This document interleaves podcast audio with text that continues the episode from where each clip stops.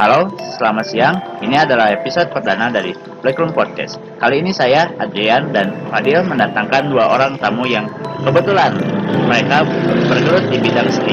Lanjut saja ke bagian ngobrolnya.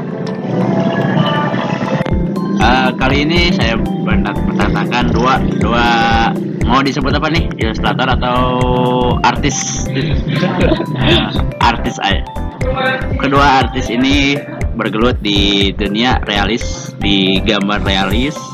Nah, saya penasaran nih dengan perjalanan karir mereka. Langsung saja perkenalan diri. Enggak? Oke, halo teman-teman. Uh, perkenalkan, nama saya Muhammad Ilham. Uh, saya tinggal di Babakan Mulyana, Pangalengan. Uh, status saya masih pelajar di MI Solamanah Pangalengan dan saya memulai uh, untuk menggambar itu kurang lebih untuk di bidang realis itu saya baru mulai tiga tahun yang lalu. Halo teman-teman, perkenalkan nama saya Irgardian Sahidayat. Saya bertinggal di Cipangisikan, Pangalengan. Status saya masih pelajar dan bersekolah di SMA Negeri 1 Pangalengan. Saya mulai menggambar khususnya di bidang di bidang realistik dari tahun 2017. Oke. Okay. Nah, kalian nih jam terbang kalian kan udah panjang nih. Apakah kalian otodidak atau belajar dari dari seorang guru atau dari seorang mentor? Ya, uh, ditanya apakah saya belajar dari orang atau otodidak ya? Sebetulnya saya belajar sendiri. Jadi ceritanya itu tiga tahun yang lalu ketika saya uh, menjelang lulus dari SMP uh, eh, apa ketika masih tergila-gila dengan Facebook tidak sengaja saya melihat uh, beberapa karya dari orang-orang yang sama yang memiliki hobi yang sama dengan saya. Siapa lah artisnya. Ah. Artisnya saya lupa tapi karyanya itu gambar seorang perempuan berjilbab dengan arsiran yang sangat sederhana. Jadi si senimannya itu hanya mengarsir di bagian-bagian yang gelapnya doang. Sementara bagian-bagian yang lain itu dia biarkan. Walaupun karyanya sederhana, tetapi itu menurut saya sangat-sangat apa? mempengaruhi. Itu. Nah, itu sangat-sangat mempengaruhi sehingga sehingga mulai dari sana ketika saya menemukan karya tersebut, saya mulai mencoba untuk bikin hal yang sama. Oke. Nah, Kak, kan udah ada inspirasinya dari itu udah pasti kan banyak sih gambar-gambar yang anda buat gitu nih dari, dari ilham buat itu pasti banyak yang gagal atau ya. Berapa kali gagal sih itu bikin sebuah karya realis. Karena kan realis itu harus proporsional gitu. Dari mulut jarak mulut ke hidung jarak mulut jarak hidung ke mata bagian mata dua mata itu beberapa jaraknya gimana? Nah beberapa kali gagal. Berapa ya? Uh, bisa dihitung mungkin puluhan. Uh, untuk mungkin untuk informasi uh, saya ini orangnya cukup mudah untuk stres. Jadi ketika saya menggambar gagal dihapus beberapa kali. Dijoet nah itu. Dijoet hancur. Sampai hancur. Uh. wah ini orangnya pasti karena ini. Dari sekian banyak yang gagal itu uh, paling susah dalam dalam proses pembuatan gambar realis apa yang paling susah? Bahwa apakah dari hidung dari mata atau apa kek yang paling susah sih mata ya karena ketika kita nggambar lalu bagian matanya nggak mirip ya udah itu nggak akan sama kayak orangnya jadi karena mata itu identik gitu kita bisa mengenalin orang cuman dengan ngelihat matanya doang. Nah, ketika kita ngegambar lalu matanya nggak mirip, ya udah itu nggak akan mirip sama sekali. Tapi nggak disobek-sobek. Tergantung sih. Nih, untuk Ilham, uh, paling favorit itu ngegambar wajah siapa? Atau laki-laki atau perempuan? Kan pasti ada ada hal yang favorit gitu ya untuk menggambar. Pasti sih kayak saya kayak orang gitu. Paling, paling favorit itu menggambar cewek atau tuh postur tubuhnya atau tuh ya body body sampai sam- ke body bodinya gitu. Apa yang paling favorit paling favorit sih gambar cewek ya. Cewek berhijab hijab syari. Karena ya mungkin karena naluri ya. Karena kita cowok pasti suka cewek. Nah kalau ketika saya dapat orderan terus gambarnya cowok itu terkadang aduh sama males weh. Geli gitu. Aduh anjir. Ta- tapi pernah gak menggambar cewek tapi gak pakai hijab gitu Nah, pernah sih beberapa kali. Tapi ya terkadang ketika dapat orderan dan si ceweknya itu nggak pakai hijab karena background pendidikan ya saya sendiri ini agak sedikit gak nyaman gitu. Ketika dapat orderan si ceweknya nggak pakai hijab. jadi udah jadi jati diri gitu ya Nah, Nih sekarang untuk Irgi eh masih per- sama pertanyaan sama kayak Ilham. Apakah otodidak apa pu- punya punya guru sendiri yang ngajarin ba- menggambar realis ini? Jika saya ditanya otodidak atau ada yang ada yang mengajari, bisa dibilang sih keduanya. Nah, kan itu keduanya. Eh berarti ada mentor nih. Siapa sih mentornya? Yang sebelah, apakah yang sebelah ini atau siapa atau ada yang lain gitu dari dari mana dari mana? Ya, yang jelas sih pasti yang di sebelah saya sekaligus mentor saya dari sejak saya mengenal realistik. Oh jadi selama Irgi ber- berkarya ada ada sosok Ilham yang membantu dari semua karya-karya itu. Nah sekarang gim- gimana sih? Apakah peran peran Ilham itu penting di di dalam karya Irgi sampai bisa disebut sebagai mentor gitu? Ya, sangat penting sekali. Ilham juga membantu untuk proses saya berkembang di bidang realistik terutama. Saya suka menanyakan berbagai hal terutama bagaimana caranya mengejar realistik yang pa- yang pas terutama di di, arsi- di arsirannya. eh ada pertanyaan untuk kalian berdua nih. Eh, kan gambar itu paling eh, prosesnya lama ya. Nah, untuk membangkitkan mood kalian untuk menggambar, pasti kan nggak selamanya kalian pakai mood mood ngegambar tuh terus menerus ya terus bagus mood itu. Nah, apakah ada acuan dalam mood itu? Sepertinya pelarian dari ke mana, misalkan untuk men- menstabilkan mood itu? Eh, ada tiga hal penting yang bisa bikin mood saya balik. Yang pertama itu kopi, dua makanan, sama yang ketiga itu buku. Jadi tiga hal tadi itu, ketika saya nggambar, tiga hal tadi itu harus ada di samping saya. Harus ada makanan, pokoknya harus ada makanan, harus ada kopi, harus ada buku. Jadi ketika saya stuck, saya tiba-tiba mood saya turun, ya saya pilih salah satu dari di antara ketiga hal tersebut. Tapi yang paling sering itu kopi. Nah, gini, jadi proses saya menggambar itu untuk satu wajah itu bisa menghabiskan waktu kalau di total sekitar 6 jam.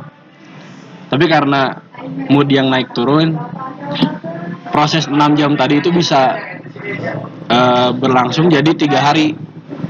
Apakah Irgi sama gitu dengan Ilham? Ya kalau saya sih menaikkan mood itu bisa dengan suasana sepi yang jelas ditambah musik pastinya. Tetapi ada hal aneh sih yang dapat menaikkan mood saya menjadi dua kali lipat yaitu eh, kalau lagi patah hati atau galau tidak tahu kenapa. Ketika seperti itu saya lebih meng- ingin mengungkapkannya di dalam suatu karya dan karya karya tersebut menjadi lebih dari karya sebelumnya.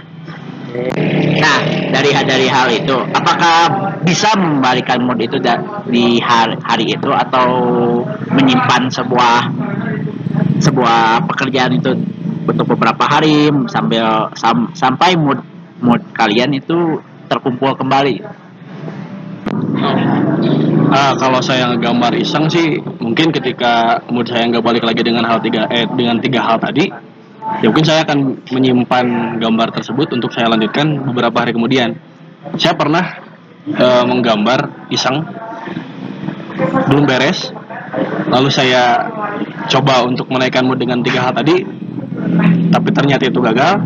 Saya pernah simpan gambar tersebut sampai kurang lebih 1 sampai dua bulan baru saya lanjut.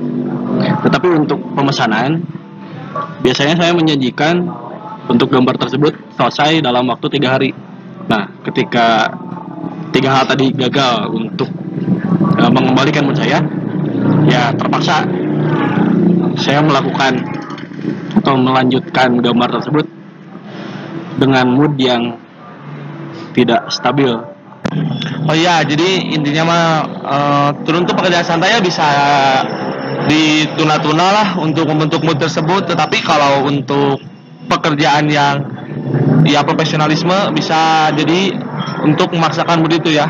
Oh selanjutnya selanjutnya eh, sekarang ya dari Irgi. Bagaimana pendapat anda Irgi? Bye. Kalau saya tergantung mood saya sih. Jadi saya sering menyimpannya terlebih dahulu kemudian melanjutkannya lagi. Maka dari itu saya suka menjanjikan pesanan pesanan pesanan beres itu 5 sampai 7 hari.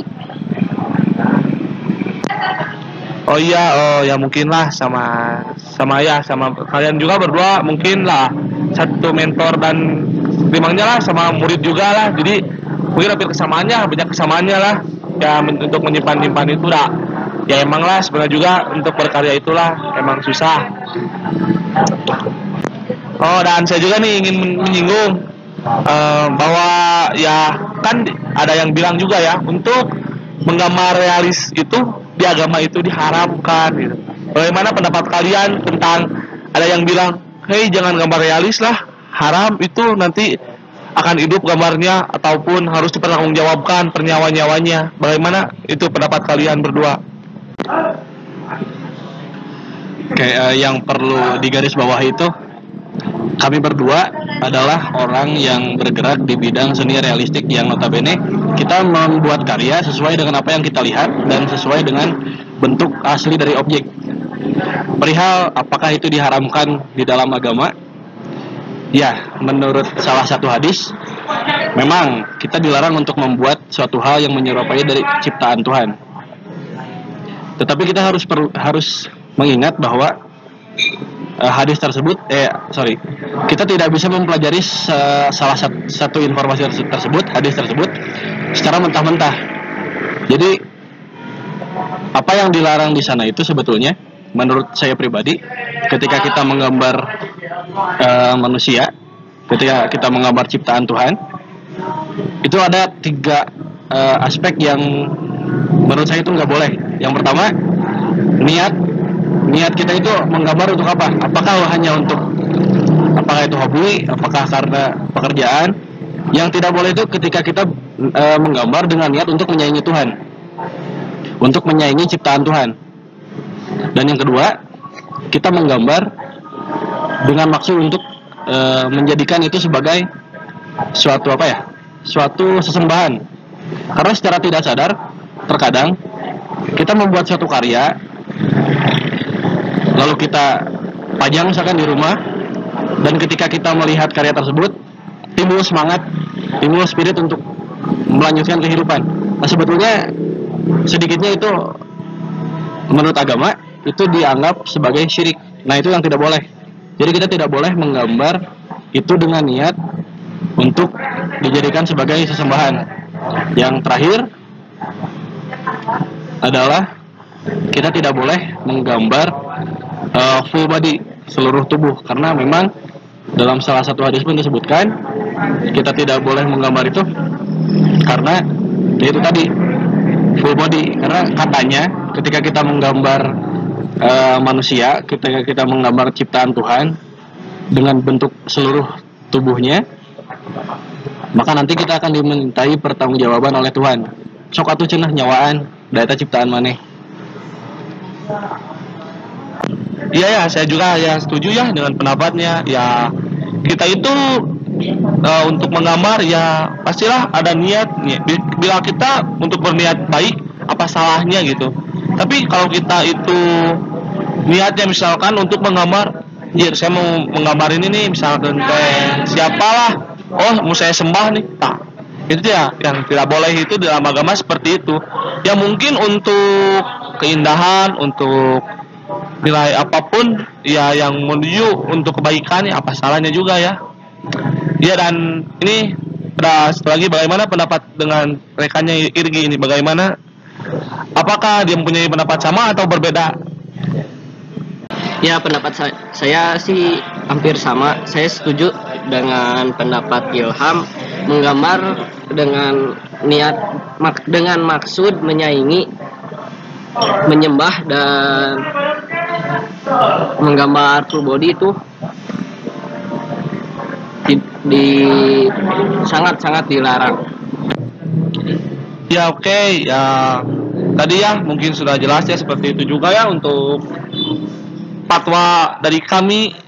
Bukan fatwa sih sebenarnya pendapat lah pendapat dari kami ya.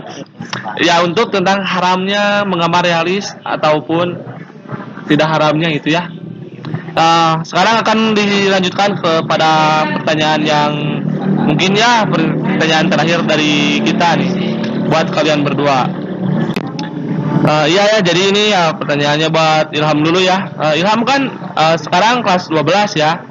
Eh, untuk ke depan satu tahunnya lagi akan menjalankan meneruskan atau menjalankan ya ke universitas ataupun eh, menjadikan mencari pekerjaan ya. Eh, dan pertanyaannya ya apakah eh, bakat seni realis Anda sekarang ini apakah akan dibawa menjadi sebuah ialah pendapatan untuk berusaha ataupun misalkan eh, untuk berencana kuliah mengambil seni ataupun juga bisa juga ya jadi meninggalkan seni itu jadi acuan hidup tetapi menjadikan si seni itu sebagai hobi saja dan ya mencari jalan baru untuk mencari uang ataupun ya kuliah tersebut. Bagaimana eh, untuk Ilham?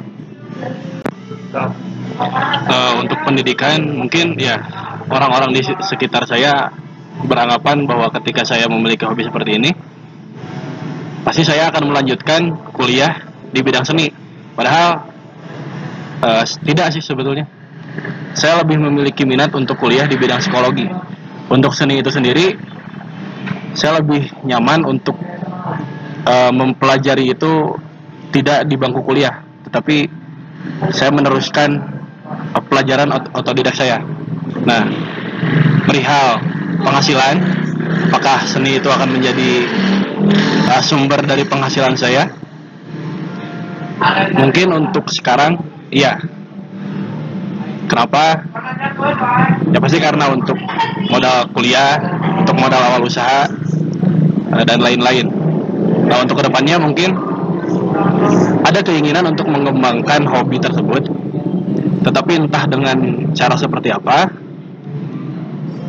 Yang pasti eh, hobi tersebut atau apa ya eh, kegiatan tersebut tidak akan pernah saya tinggalkan karena saya menganggap itu sudah menjadi bagian dari hidup saya.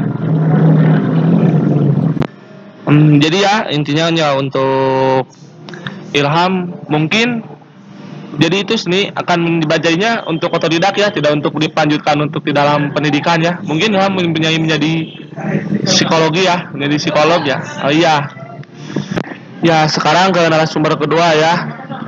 Eh, walaupun ya Irgi beda ya masih kelas 11 ataupun masih jauh bandingnya tetapi lah kita samakan saja pertanyaannya ke pada seperti itulah.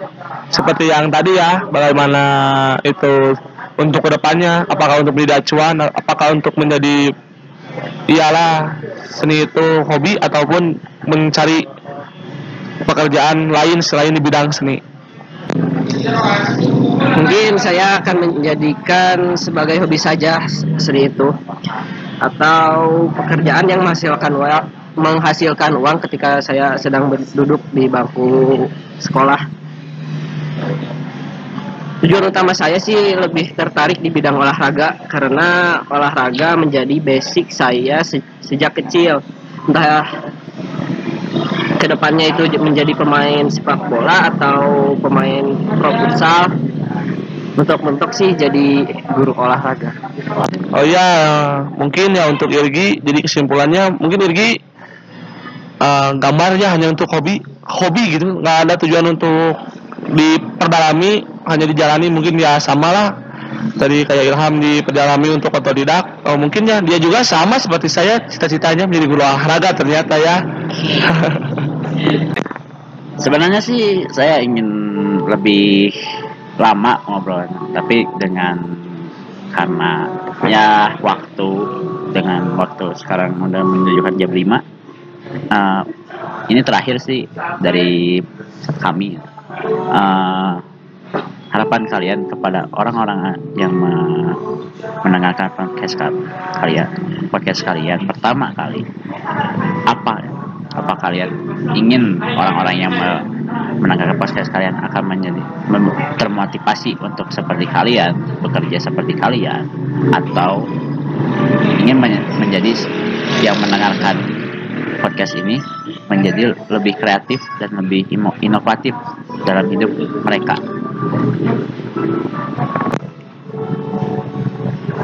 Eh, pastinya saya mengharapkan eh, ada penerus-penerus dari apa yang kami lakukan. Jadi hobi ini atau bidang ini tidak hanya berhenti di zaman kita, tetapi ke depannya mungkin harus ada orang-orang yang meneruskan, harus ada orang-orang yang memiliki kemampuan yang lebih dari kami. Kenapa? Karena eh, saya yakin eh, Indonesia, khususnya Pangalengan, memiliki potensi yang besar di bidang tersebut. Hanya saja mereka orang-orang yang memiliki potensi itu bingung, mereka harus ke mana. Nah, sekarang kita mengenal eh, Black Room Project. Nah, ini adalah wadah untuk teman-teman yang mempunyai eh, apa? Mempunyai keahlian di bidang yang sama, mempunyai minat di bidang seni. Ayo eh, datang gabung ke Black Room Project sebagai wadah bagi kalian untuk tetap berkarya. Nah, satu lagi pesan dari saya buat teman-teman yang mau mulai untuk berkarya ada empat kata yang tidak boleh menjadi penghalang bagi kalian yaitu what will people say. Jangan pernah eh, pusingkan perkataan dari orang lain. Jika kalian ingin berkarya berkaryalah. Jangan eh, pedulikan orang lain akan berkomentar apa tentang karya kalian entah itu ka- karya kalian eh, jelek atau apa. Jangan pedulikan karena ketika kalian mempedulikan kata-kata tersebut itu yang menghalangi kalian untuk berkembang. Jadi teruslah berkarya. Eh, jangan pernah berhenti berkarya. Eh, satu quote dari saya. Eh, manusia abadi karena karyanya. Manusia dikenal karena karyanya. Maka berkaryalah kamu agar kamu abadi.